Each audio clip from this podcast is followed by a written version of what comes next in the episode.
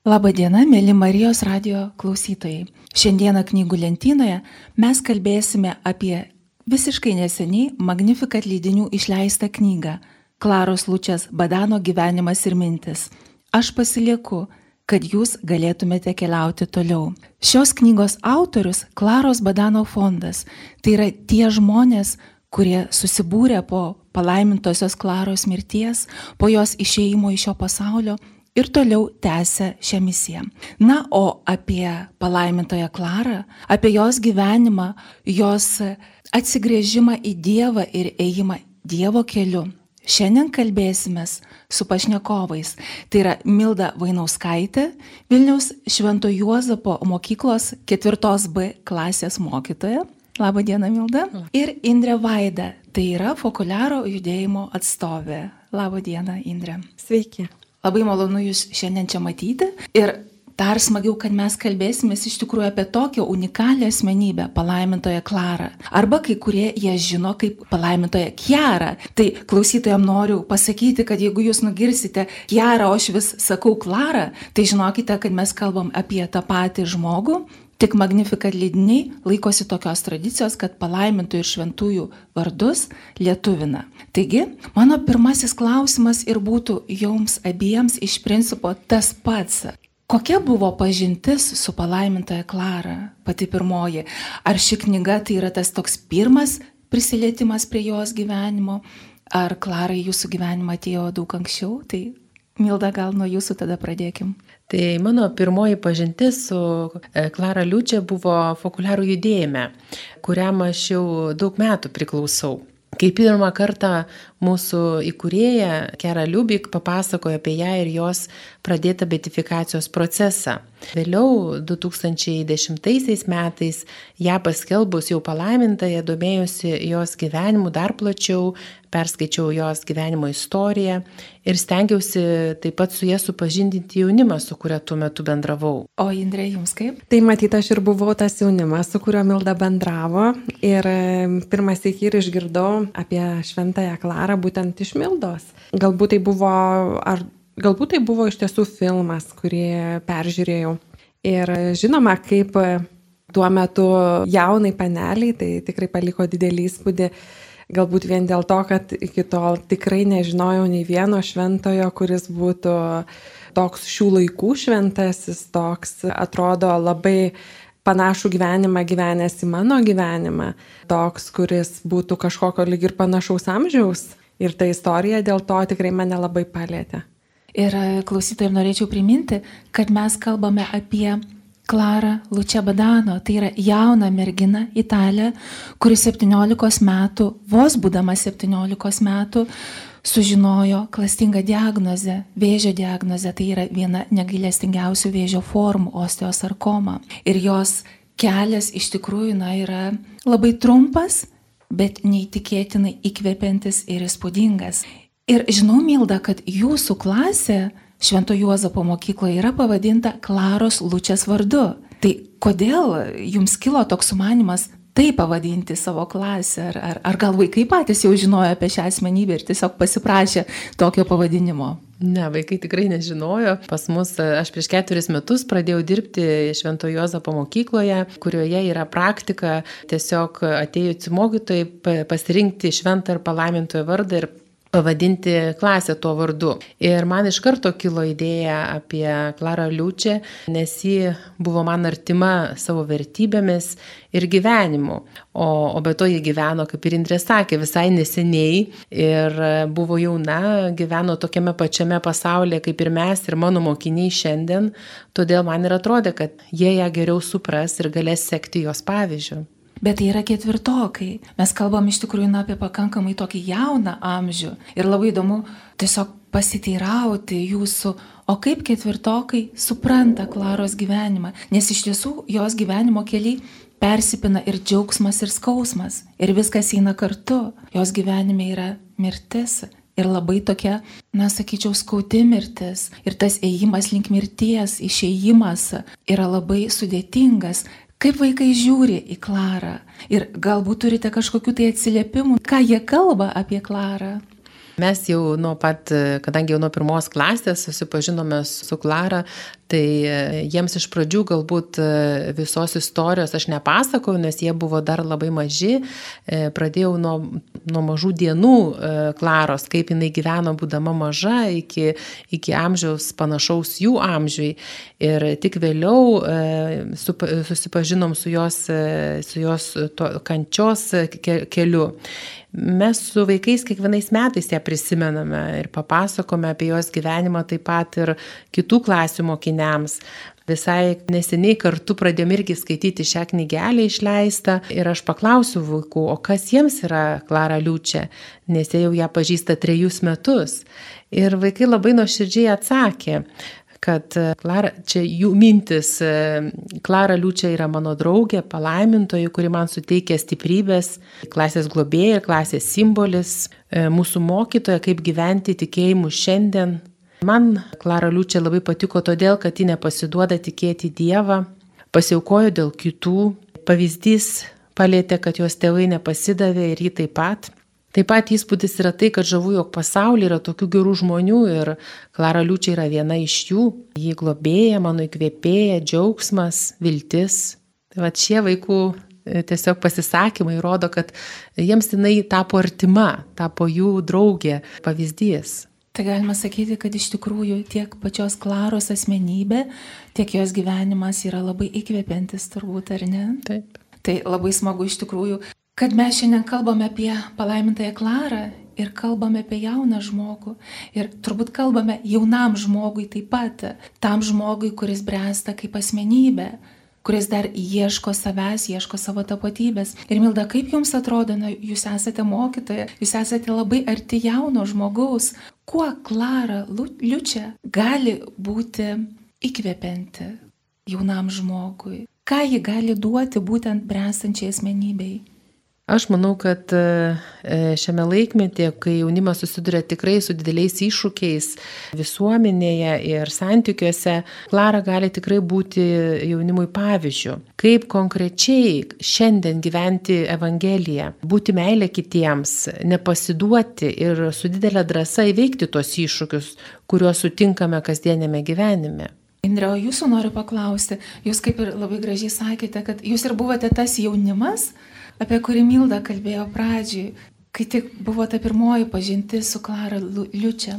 Jūs dabar jau užaugus, jau nebesate, na, kaip ir ta, ta jaunutė mergaitė, kuri augo kartu su Klara ir vis tik tai Klara yra jūsų gyvenime. Jeigu jūs tai pasižiūrėtumėt savo tą atkarpą kelionės kartu su Klara, ką jin davė jums, kaip jaunai merginai, kaip augančiam žmogui, ką davė jums asmeniškai, ką davė jūsų draugams galbūt, kurie buvo šalia ir kurie tikriausiai kartu keliavo šitą kelionę kartu su Klara. Dėl draugų tai atsakyti turbūt būtų sudėtingiau, e, gal kalbėčiau daugiau už savo asmeninės patirties. Žinoma, mes taip pat bandėme skleisti Kiaro žinę, esame dalyvavę renginiuose, rodė filmą, pasakoja apie Kiaros gyvenimą, kad tiesiog daugiau kas išgirstų būtent apie šią nuostabę šventąją.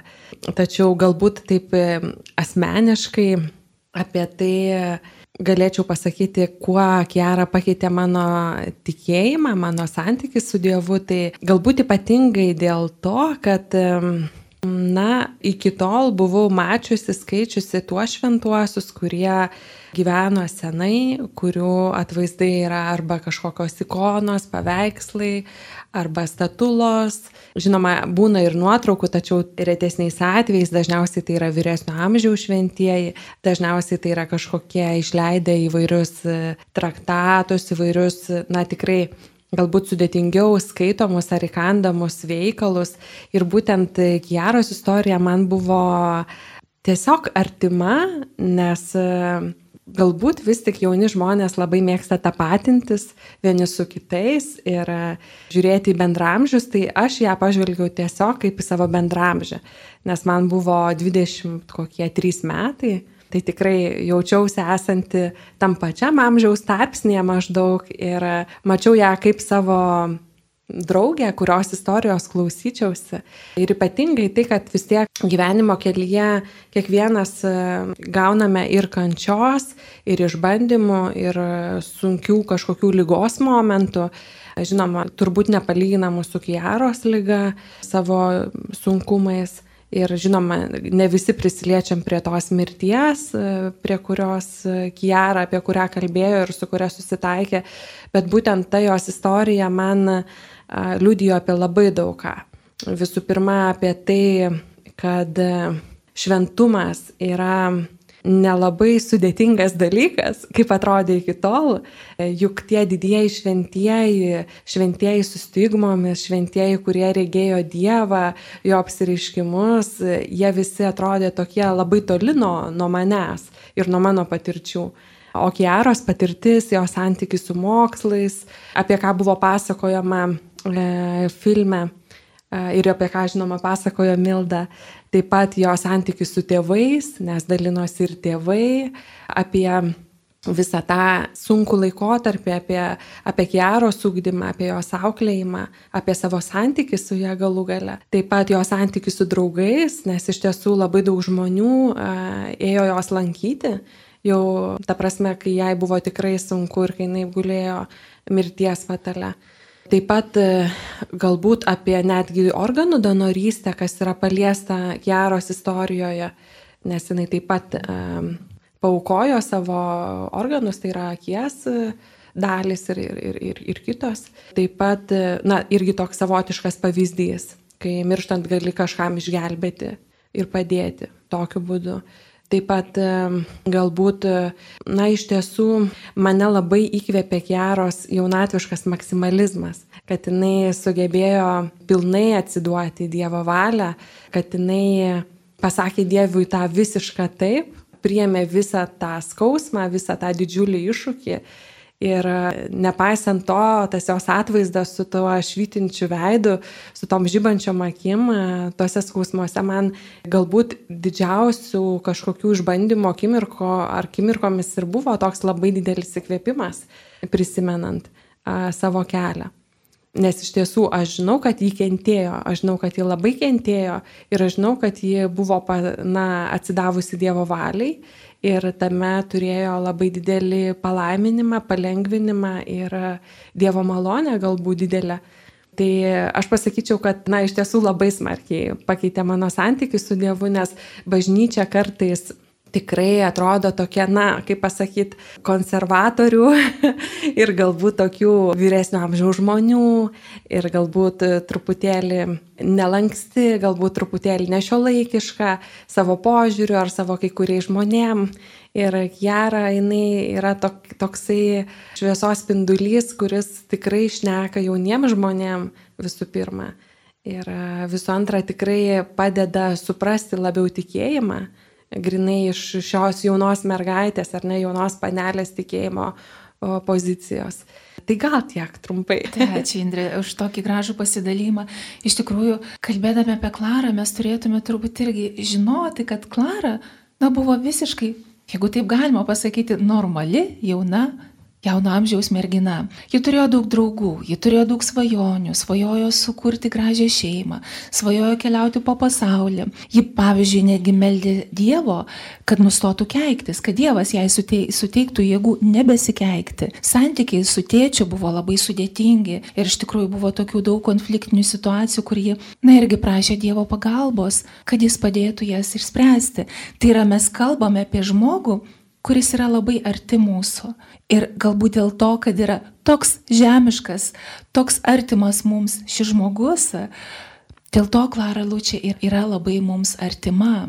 Na, o klausytojams dar noriu priminti, kurie ką tik prie mūsų prisijungia, kad šiandien Marijos radio laidoje knygų lentynoje mes kalbame apie Magnificat leidinių išleistą knygą Klaros Lučias Badano gyvenimas ir mintis. Aš pasilieku kad jūs galėtumėte keliauti toliau. Šios knygos autorius Klaros Badano fondas.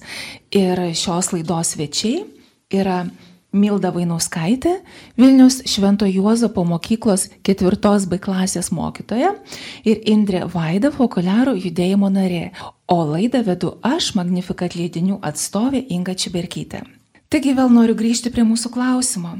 Ir Palaimintosios Klaros gyvenimas yra neatskiriamas nuo fokuliaro judėjimo. Aš žinau, kad jūs abi esate fokuliaro judėjimo Lietuvoje atstovės narės. Taigi ir noriu jūsų paklausina, gal šiek tiek papasakotumėte, kas yra fokuliaro judėjimas ir kokią įtaką jis padarė Klaros gyvenime, nes skaitant knygoje akivaizdu, kad jos gyvenimą tikriausiai mes galime dalinti iki įsijungimo į fokuliaro judėjimo veiklą ir po. Tai kokia būtų jūsų nuomonė, kokios jūsų mintis, Mildai? Žiūriu iš karto jūs. Tai Klara įsijungė jau nuo, nuo mažens ir jos istorija labai tas ryškiai pasakojama, būdama devinių metų, jis susipažino kartu su savo šeima, su fokuliarų judėjimu ir fokuliarų judėjimas tikrai ją, ją palėtė e, ir, ir ji galima sakyti, davė postumį jos pakeisti jos gyvenimą, ją paliečia tie pagrindiniai principai, kad visuotinė vienybė ir kelias, kaip ją pasiekti, tai meilė tam Jėzui, kuris šaukėsi ant kryžiaus. Mano Dieve, mano Dieve, kodėl mane apleidai? Taip pat ją sužavi ir Marijos kelias, kuriuo reikia sekti, galimybė Jėzų padaryti apčiuopamą ir Euharistiją kaip nepakeičiama kraujo dalis limfa, reikalinga gyvenant savo dienas. Tai va jos gyvenimo lūžis.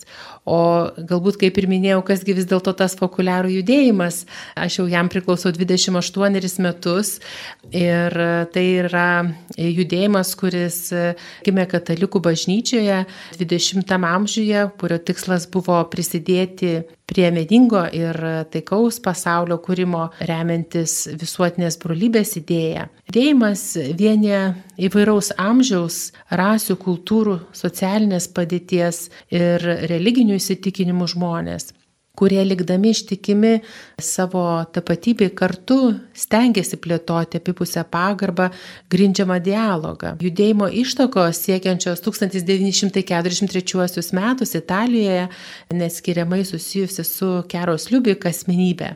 Ir fokuliarų judėjimą įkvepia ir gaivina vienybės dvasingumas, įvairiai išgyvenamas tiek tikrų judėjimo narių, tiek jam pritarančių ar simpatizuojančių ir sudaro daugiau kaip 2 milijonai žmonių 182 pasaulio šalise. 1962 bažnyčia oficialiai patvirtino e, šią tikrovę Marijos veikimo arba fokuliarų judėjimo vardu.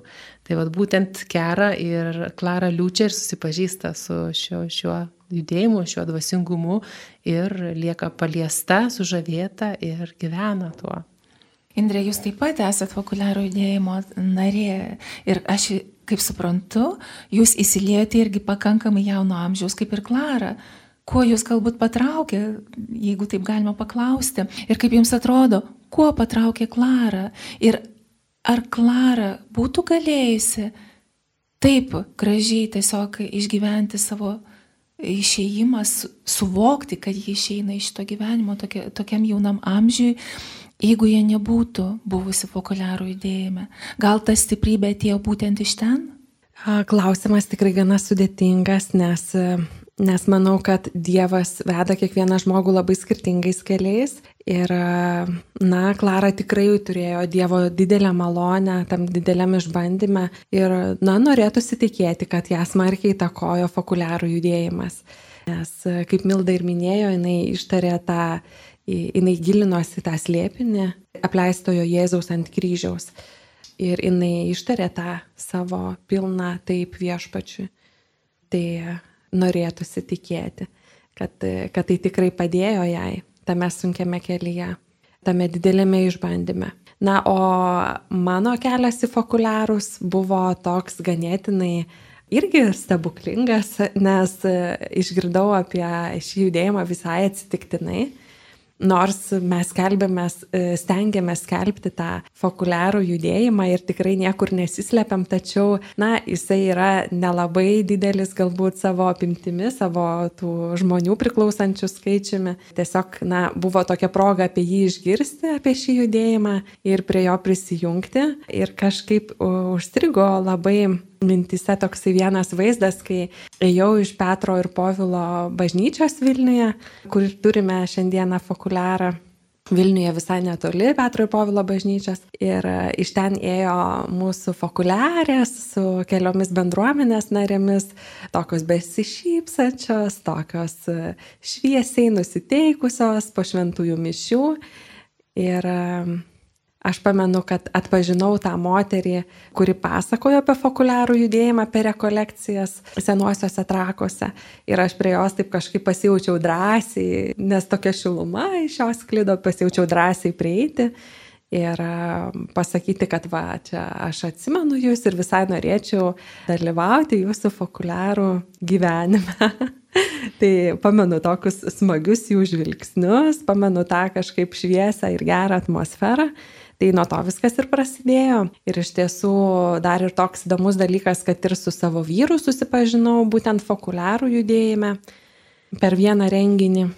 Mano vyras yra ortodoksas, aš esu katalikė Ir mūsų vaikelis dabar irgi yra ortodoksas. Tai tokia irgi gana įdomi istorija, nes, nes aš buvau katalikė po atsivertimo, konvertitė vadinamoji. Ir tuo metu aš buvau labai galbūt netolerantiška, nes man atrodė, kad ortodoksai tai jau yra kažkas negerai, nes aš tikrai esu katalikė. Bet va, viešpats taip viską sudėliojo, kad iš tikrųjų tek, teko išmokti ir tolerancijos, ir priimti kitokius žmonės, ir žinoma, tie patys krikščionys vis tik esame su ortodoksais ir netgi savo vaikelį pakrikštyti ortodoksų bažnyčią. Tai iš tiesų istorija tokia gana įdomi, gana ilga, nes jau yra daugiau negu dešimt metų turbūt su fokuliarais tuo keliu einama. Ir e, smagu jaustis bendruomenės nare, smagu dabar bendrauti su šeimomis ir e, kažkaip iš tiesų jausti tą Dievo veikimą kartu su fokuliarais. Taip labai gražiai jūsų istorija, ačiū, kad pasidalinot. Iš tikrųjų taip gražu klausyti, kaip Dievas apjungia, kad ir skirtingų konfesijų žmonės ir visi kartu mes apsijungiame ir tikime tikime Dievą. Ir klausytojams norėčiau priminti, mes vis kalbame Klara Lučia, Kiara Lučia.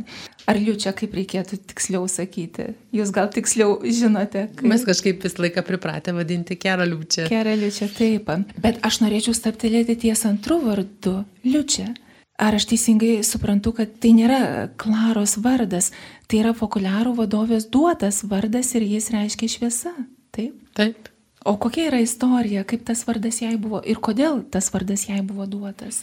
Kadangi e, buvo labai ke, e, Klara, pradėdama tą, tą kelionę, tą skausmo kelionę ir apskritai mes visą laiką, kai esame judėjime, bendruomenėje, mes turim labai irgi artimą, turim artimą ryšį irgi su Kera Liubikiu kurėja, dabar kuri jau yra ir iškeliavusi, jau jos nėra gyvųjų tarpe Ir tas ryšys visą laiką būdavo dažniausiai su laiškais arba susitikimais kažkokiuose susitikimuose, kadangi Klara jau nuo mažens buvo judėjime ir dalyvaudavo įvairiuose renginiuose ir susitikdavo gyvai su įkūrėja. Ir, ir turėjo tą tokį ryšį, tiesioginį ryšį, tiesiog susirašydavo laiškais, rašydavo apie savo gyvenimą, tą dvasinį gyvenimą, tą dvasinę kelionę, padėkodavo už tos susitikimus, už tas mintis, kurias gaudavo. Ir kai prasidėjo ta lygos kelionė, ji lygiai taip pat pasidalino, visą laiką pasidalino rašė kerai Liubik e, laiškus, pasakodama, kuo jinai gyvena, kaip jinai jaučiasi. Ir, ir, ir kera Liubik, e, jai tiesiog e, kartais pas mus ir yra, tai buvo įprasta, kad kai tu pradėdavai tą naują gyvenimą su tikėjimu, paprašydavai jos vardą ir tau duodavo tokį kaip naują vardą. Ir, ir kera jai siunčia tą vardą, tą šviesą, kad tu būsi ta šviesa, nes jinai ir buvo ta šviesa, to, to, tame sunkume jinai išgyveno su, su meilė ir va ta šviesa buvo kitiems. Ir kera dėl to įduoda tą vardą, kad tu esi ta kera, klara šviesa. Ir iš tikrųjų kaip nuostabu, turbūt atrodo, kad Klara Liubik tarsi nuspėjo keros kelią, kuris bus ir po jos išėjimo. Tai yra, kad ji bus šviesa likusiems gyventi čia žemėje ir ji taps to įkvėpimo šaltiniu, iš kurio kiekvienas gali semtis jėgų, stiprybės, gyvenant kasdieninį gyvenimą, ar ne? Nes Klara Liučia labai daug dėmesio kreipia į tai, kad mes Na, turime kiekvienoje dienoje pamatyti prasme. Turime pamilti kiekvieną situaciją, kurioje esame. Pamatyti tos situacijos prasme. Turime pamilti kiekvieną žmogų, kurį sutinkame savo gyvenimo kelyje. To mokė Klara Liučia. Aš jau kaip ir minėjau anksčiau, knyga iš tikrųjų yra tokia sukrečianti, nes ir džiaugsmas, ir skausmas eina kartu. Atrodo, kad vienam puslapį skaitai apie be galo tokį šviesų, džiaugsmingą tikėjimo dalyką, kažkokį tai tikėjimo įkvėpimą, o verti kitą puslapį ir skaitai, kad štai Klara neteko plaukų, atsisakė kojos, ji nebegali vaikščioti. Tai yra ir džiaugsmas, ir skausmas eina kartu. Ir vis tik noriu tada paklausti, kokia knygos vieta jums paliko didžiausią įspūdį, tai Indrė, jūsų pirmą noriu pasiteirauti, kas galbūt labai sukrėtė. Ar...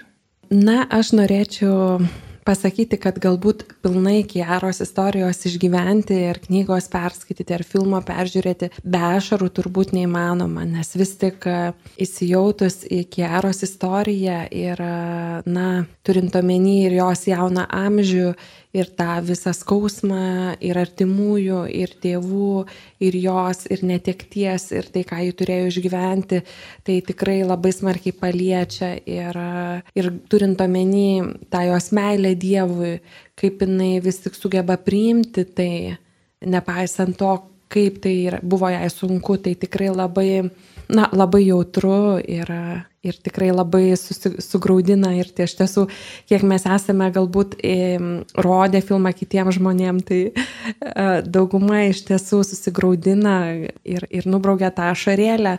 Na, o man e, galbūt labiausiai paliečianti vieta buvo ta, kai Kijara susitaikė su savo lemtimi, nes jie, e, ten yra tokia vieta, kada jie grįžo namo ir pasakė savo mamai, kad e, dabar, ją, dabar prie jos, na, neprieitų niekas ir jinai e, ant lovos berots kelias minutės užtruko, kol ji skausme susitaikė su savo lyga, su savo diagnoze, su tai, kas jos laukia. Ir, ir galbūt ištarė tą Dievui taip. Tai va ta tokia galbūt vidinė kova kai galbūt yra tekę iš tiesų vat, e, bendrauti su žmonėmis, kurie turi sunkes diagnozes, turi tas, e, tą tokį kelią į mirtį ar ne, per sunkes diagnozes. Ir iš tiesų man yra tekę matyti, kai žmogus iki pat mirties nori gyventi, nenori mirti, bijo mirti. Ir tas šitos jaunos Klaros susitaikymas su tuo, man paliko patį didžiausią įspūdį. Todėl, kad mano manimu tai turėjo būti labai didžiulė vidinė a, kažkokia stiprybė, kurios galbūt neturi kartais, na, iš tiesų ilgą gyvenimą nugyvenę žmonės, o ji a, sugebėjo tai priimti, su to susitaikyti, ištarti tą Dievui taip.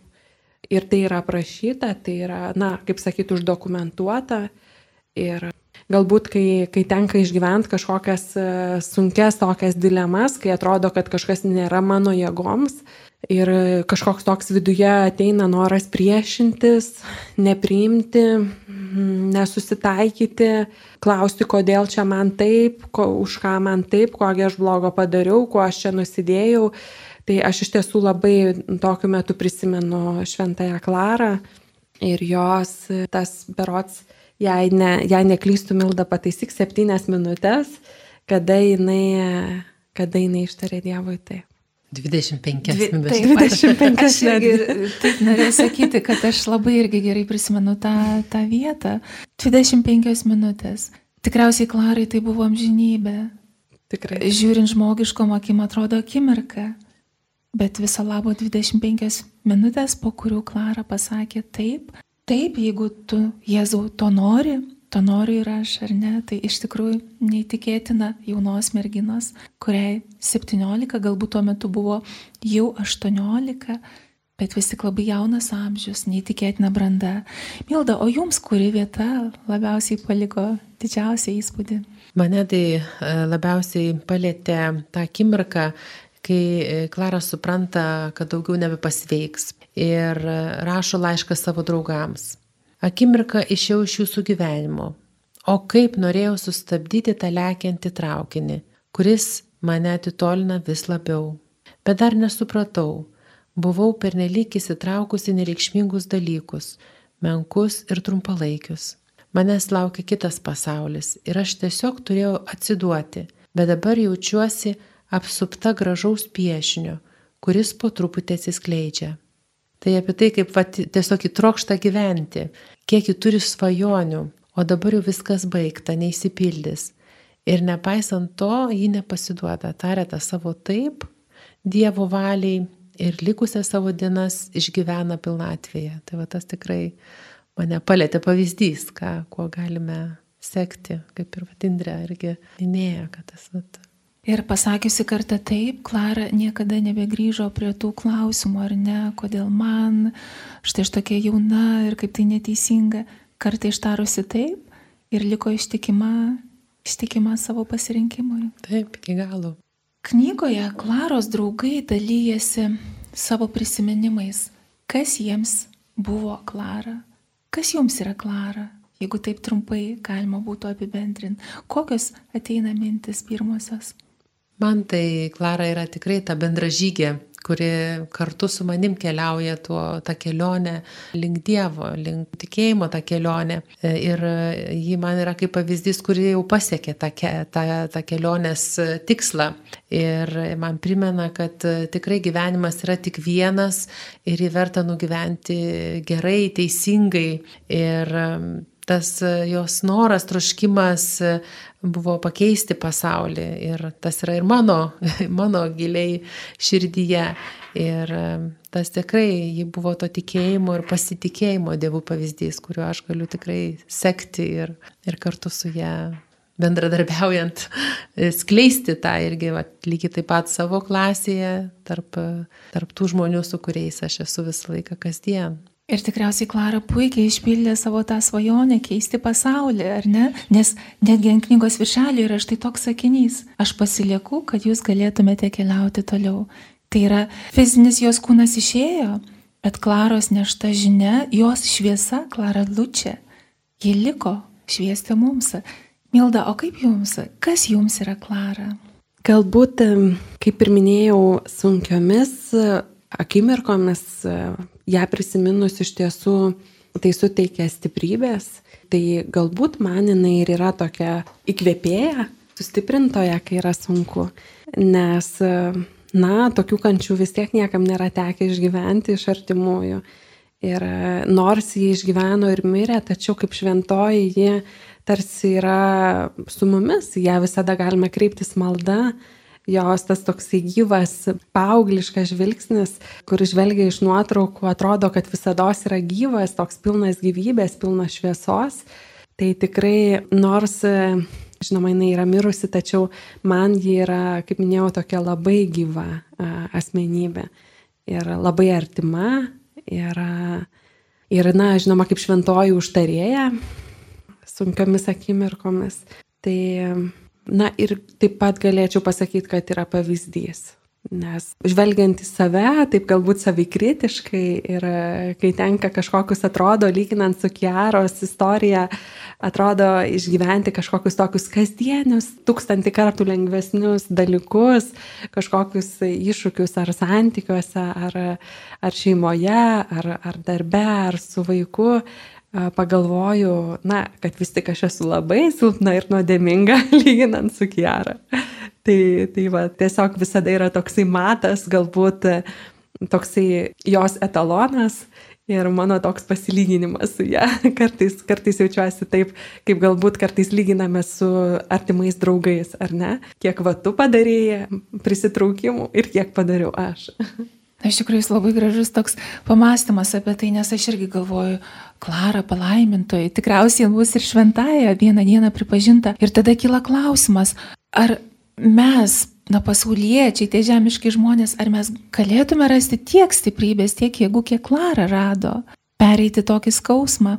Ar iš tikrųjų, kaip jums atrodo, gal tai yra Dievo išrinktųjų, na tokia privilegija, ar galbūt, nežinau, įkvėpimas Dievo pernešti taip lygą kaip Klara pernešė. Aš manau, kad kiekvienas iš mūsų, Dievas tikrai kiekvienam iš mūsų turi planą. Ir, ir manau, kad vis tiek ta mūsų, tas mūsų gyvenimas kaip krikščionė yra tas išsiekti to šventumo.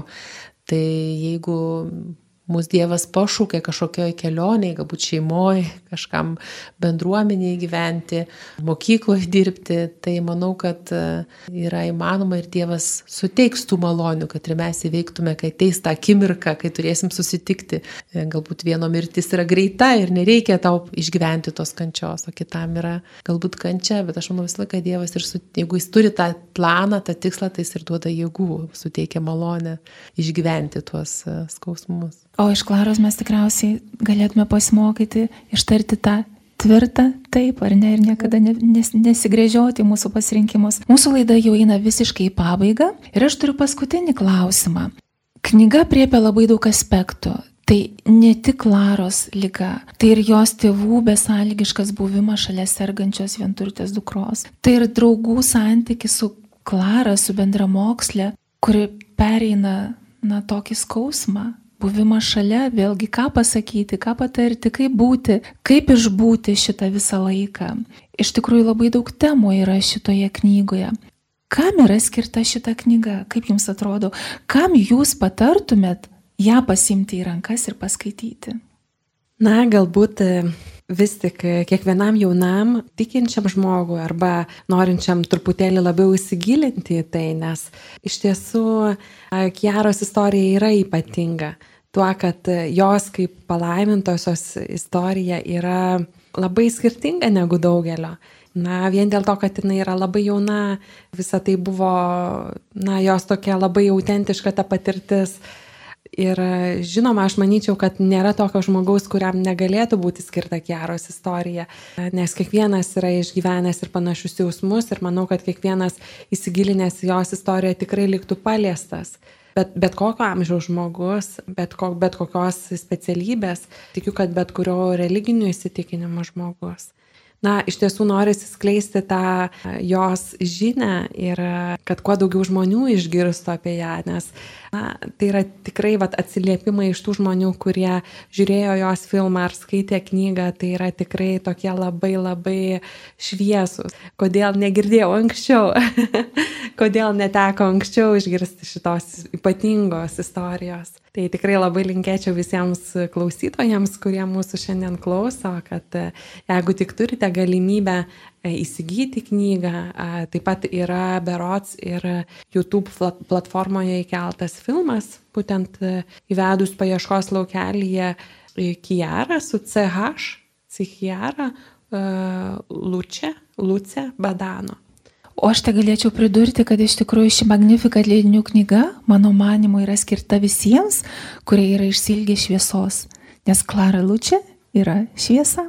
Tik jau visiškai mūsų laida prieartėjo prie, prie pabaigos ir aš labai dėkoju mūsų šios laidos pašnekovams. Tai yra Milda Vainauskaitė, Vilniaus Švento Juozapo mokyklos ketvirtos B klasės mokytoja. Ačiū Milda Jums labai už mintis. Ir Indrė Vaida, Fokuliarų judėjimo narė. Tai dėkoju Indrė, kad prisijungėt ir pasidalinot savo, savo gyvenimo kelio tam tikromis atkarpomis ir mintimis apie Klarą. O laidą vedžiau aš, Magnifikat leidinių atstovė Inga Čibergytė. Ir mes kalbėjomės apie nuostabų Klaros Lučias Badano gyvenimą ir Magnifikat leidinių ką tik išleistą jos biografinę knygą. Tad likite sveiki, Marijos radio klausytojai, ir iki kitų susitikimų.